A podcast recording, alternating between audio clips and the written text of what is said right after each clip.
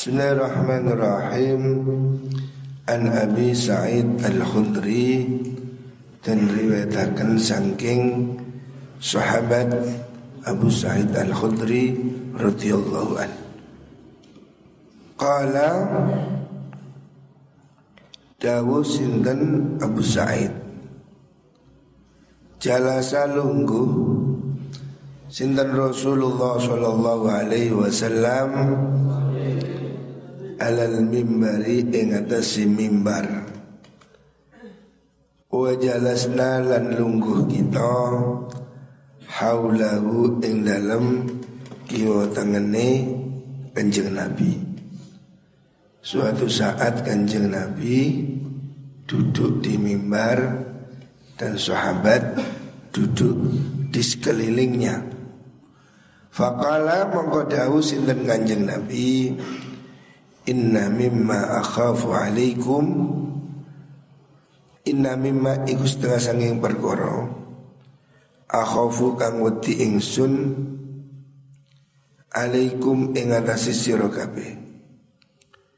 Mimba'di saking sause ingsun Iku ma perkara Yuftahu kang bakal den buka Alaikum ing atase sira kabeh min zahratid dunya saking jembare utawa baguse dunya wazinatiha lan pepaese dunia muttafaqun alaih hadis muttafaq alaih.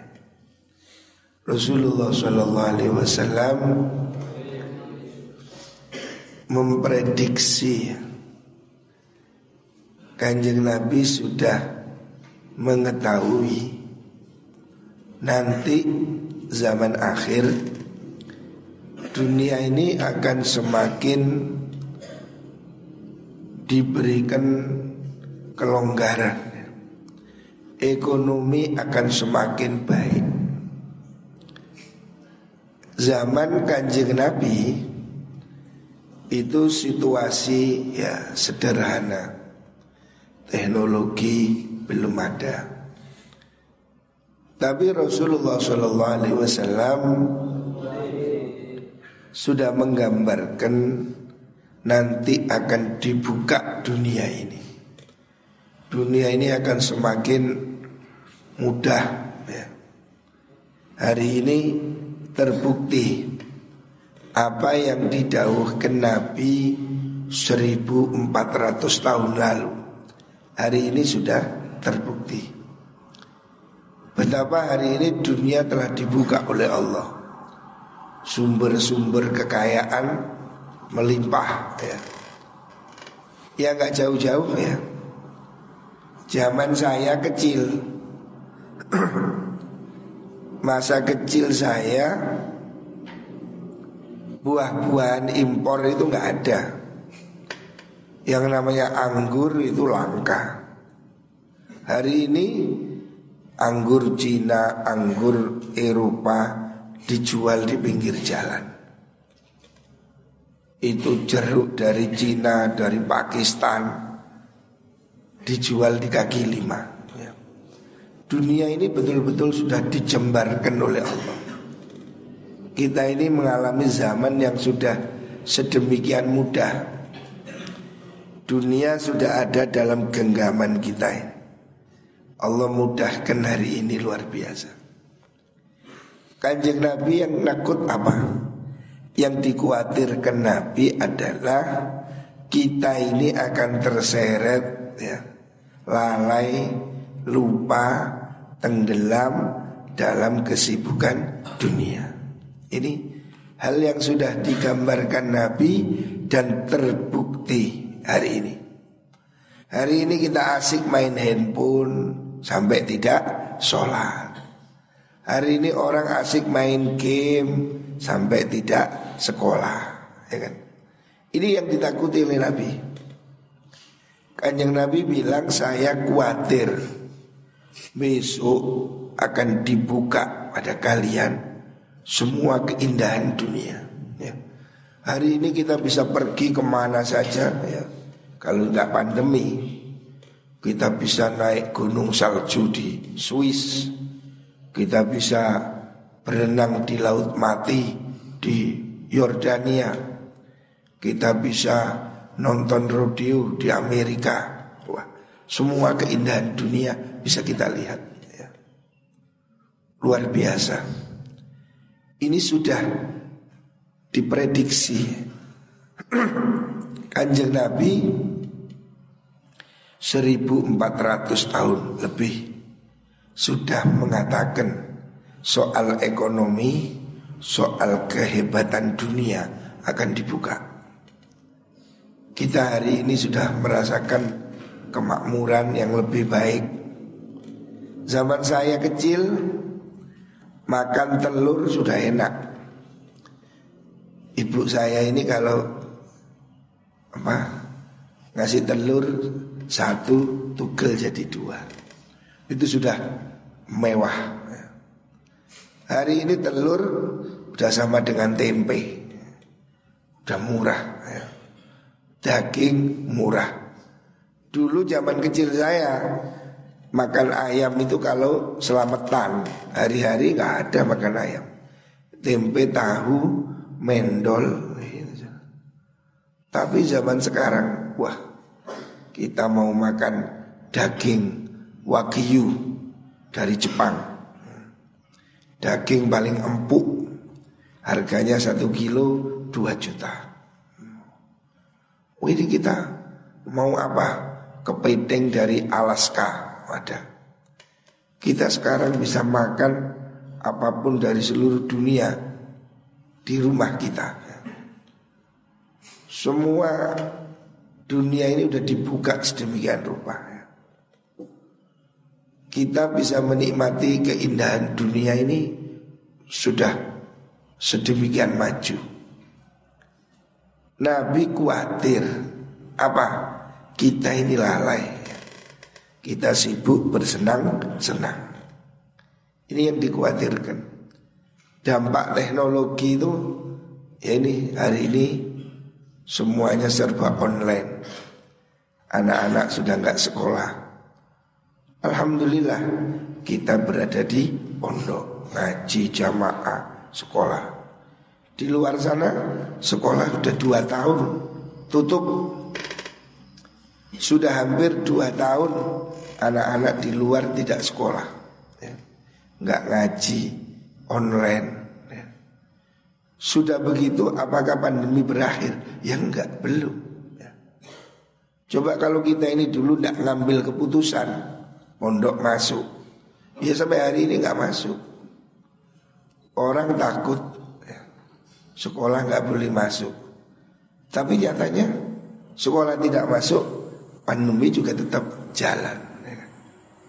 Kita Alhamdulillah Ngaji Pondok jalan Sekolah jamaah Muka-muka tetap dilindungi oleh Gusti Allah. Ini sudah keyakinan kita yang bekerja. Kalau nuruti takut Ya wis gak sekolah. Terus online. Kalau sudah online Ya lebih banyak main game online Daripada pelajaran online. Anak-anak lebih seneng lihat Doraemon ya. Efeknya lebih banyak ke hura-hura. Sekolah online sedikit Yang lebih banyak main game. Ini loh cobaan zaman akhir. Orang kecanduan game. Orang kecanduan TV ya. Sampai lupa sholat. Wa anulan saking Abu Sa'id Al-Khudri Anna Rasulullah sallallahu alaihi wasallam Setune kanjeng Nabi Iku kola Dawuh sopo kanjeng Nabi Inna dunya setune dunyo Iku hulwatun manis Khadiratun tur ijo dunia ini tampak menyenangkan. digambarkan manis dan hijau. Manis ini semua yang nyaman dimakan itu manis. Semua orang senang manis, rambutan, kelengkeng. Wah pokoknya semua yang manis orang senang. Yang kedua hijau. Hijau ini kesukaan mata. Kita senang lihat kebun, gunung yang hijau. Artinya dunia ini secara visual indah, hijau. Secara rasa manis. Dunia ini kita pasti senang karena hijau dan manis. Terus wa inna Allah lan Allah. Iku mustakhlifukum zat kang gawe ganti sub Allah kum ing sira fiha ing dalem dunya Allah menjadikan kamu bergantian ya. berganti tumbuh mati ganti tumbuh mati kamu terus akan berjalan ya. kita ini akan terus berputar ya kecil, dewasa, tua, mati, terus ganti berganti. Ya. Allah akan membuat manusia ini sebagai gilir kumanti di dunia.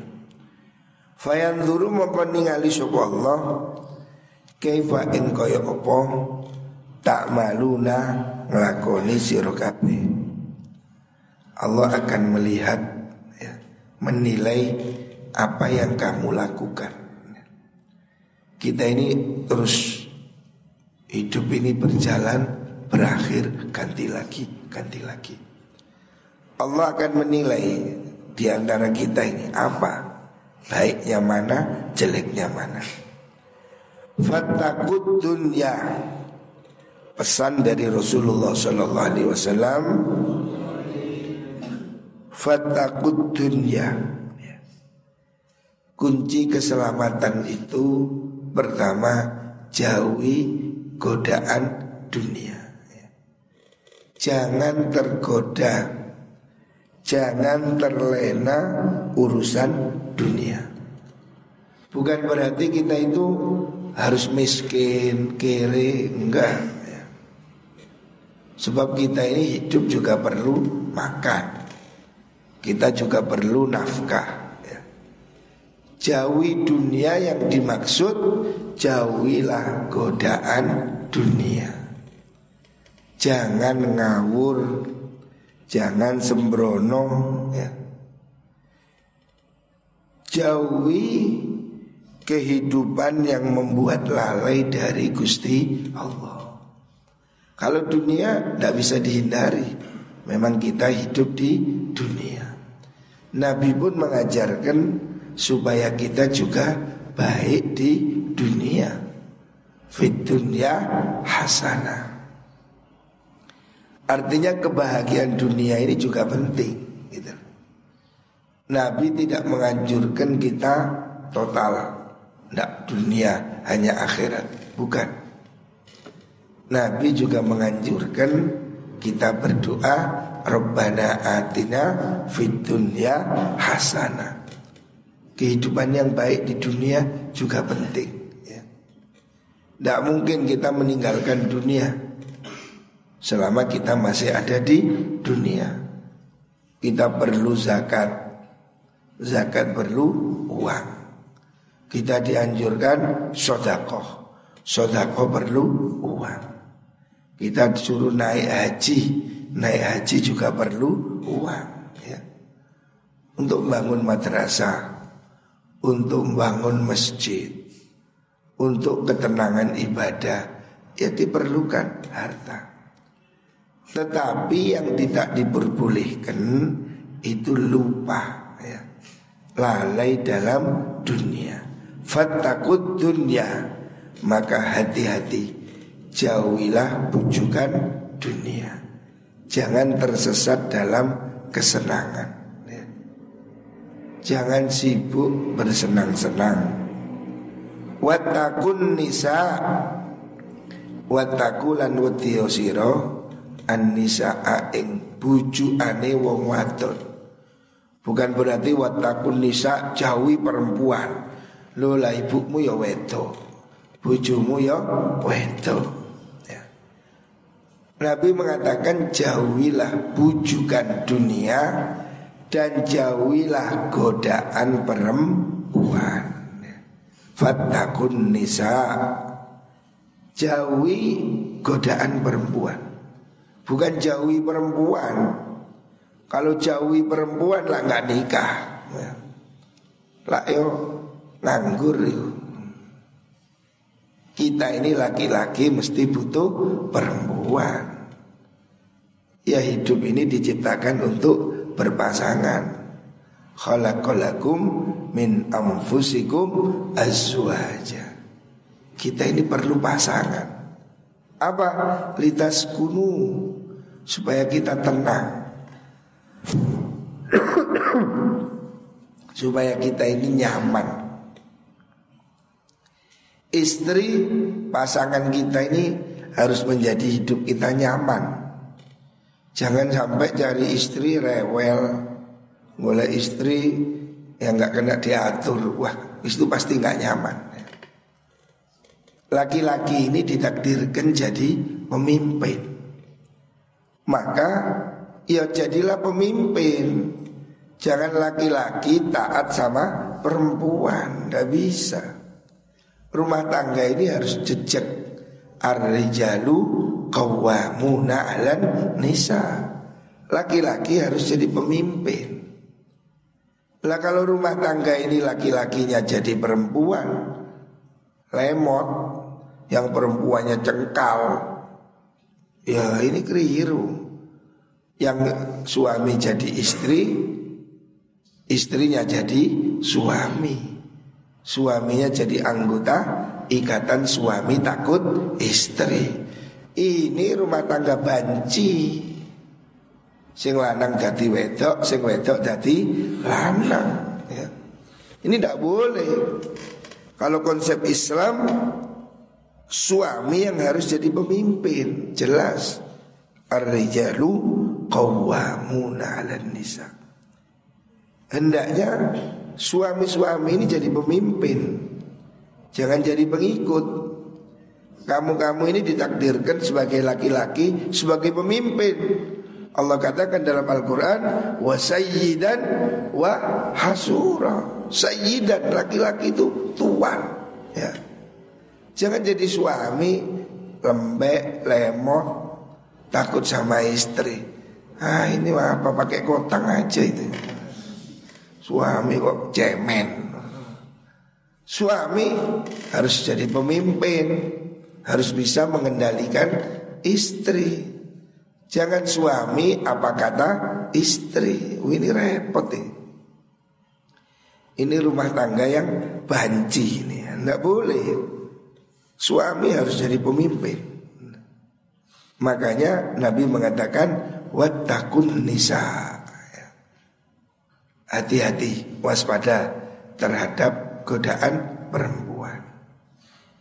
Jadi Perempuan ini ya makhluk Allah sama ya. Tapi kita mesti hati-hati. Itakun nisa. Jangan terpedaya oleh perempuan.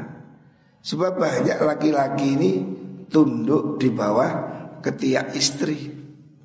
Mau ke masjid Istri bilang jangan kasih situ Kali pengajian Bujun ngomong pojok burung Loh ini suami apa ini suami kok takut istri. Berhentilah jadi suami.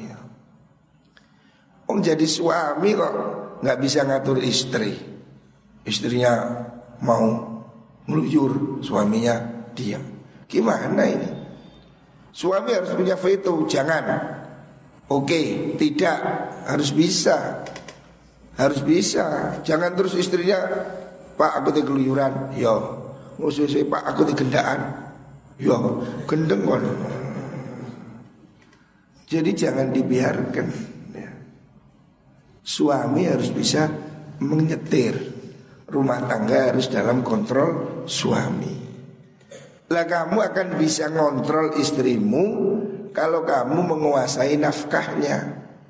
Makanya Al-Quran mengatakan Ar-rijalu qawwamuna ala nisa bima faddalallahu ba'dahum ala ba'din wa bima anfaqu min amwalihim kamu akan jadi pengendali istrimu. Satu memang kamu harus percaya diri bahwa laki-laki itu diciptakan sebagai pemimpin.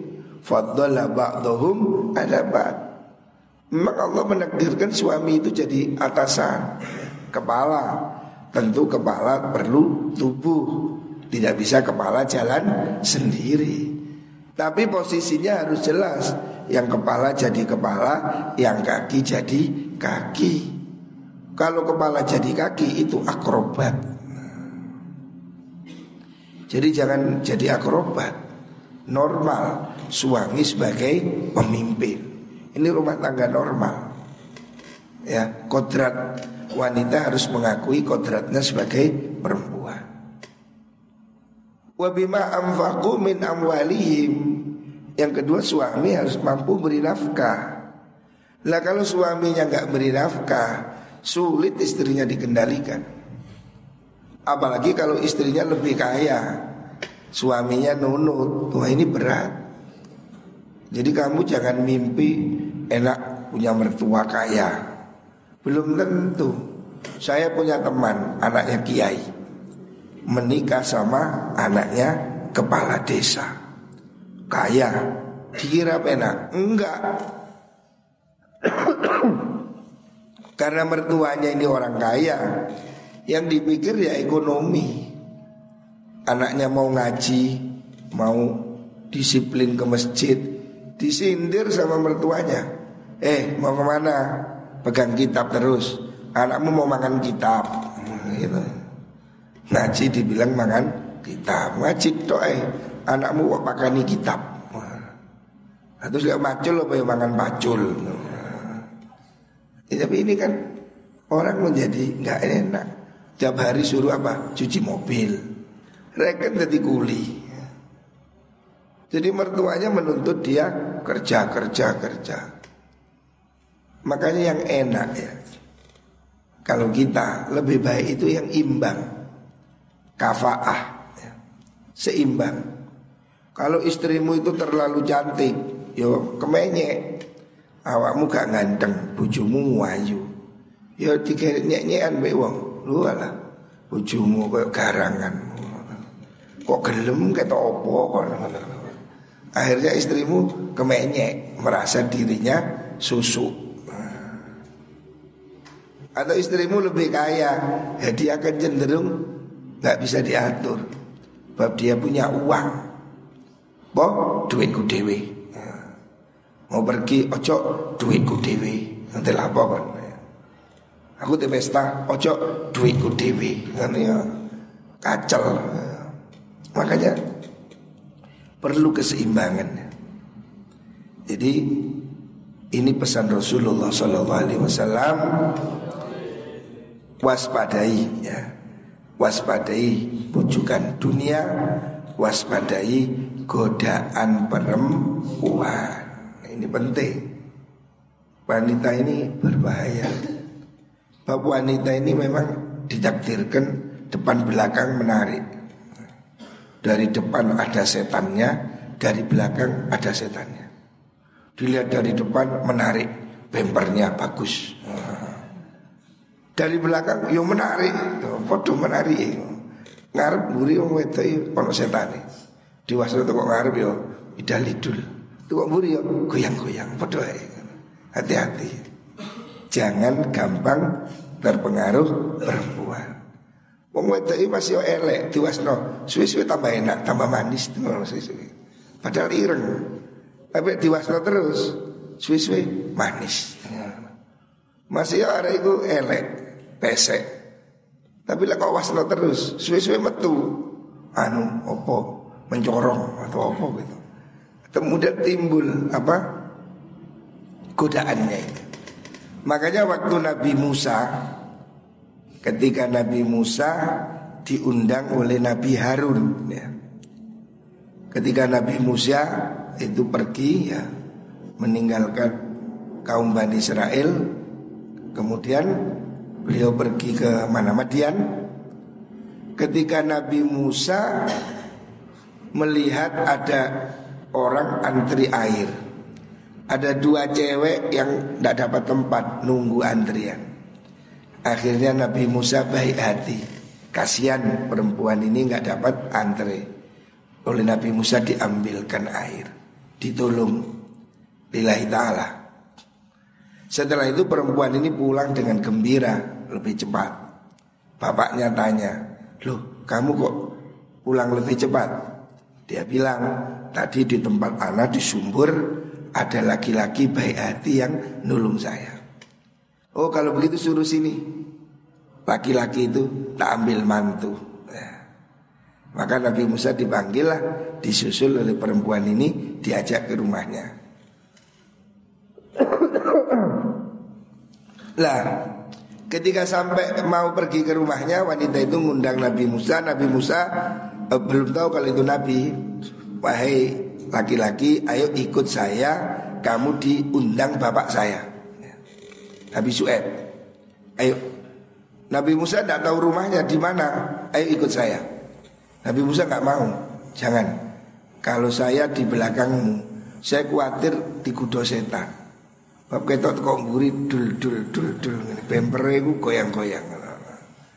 Akhirnya bagaimana? Saya mau jalan di depan. Nabi Musa jalan di depan, perempuannya di belakang. Saya yang di depan, kamu di belakang. Supaya nggak usah bengok-bengok, kamu ambil batu. Nanti kalau belok kanan, lemparkan batu ke kanan. Saya tak belok kanan.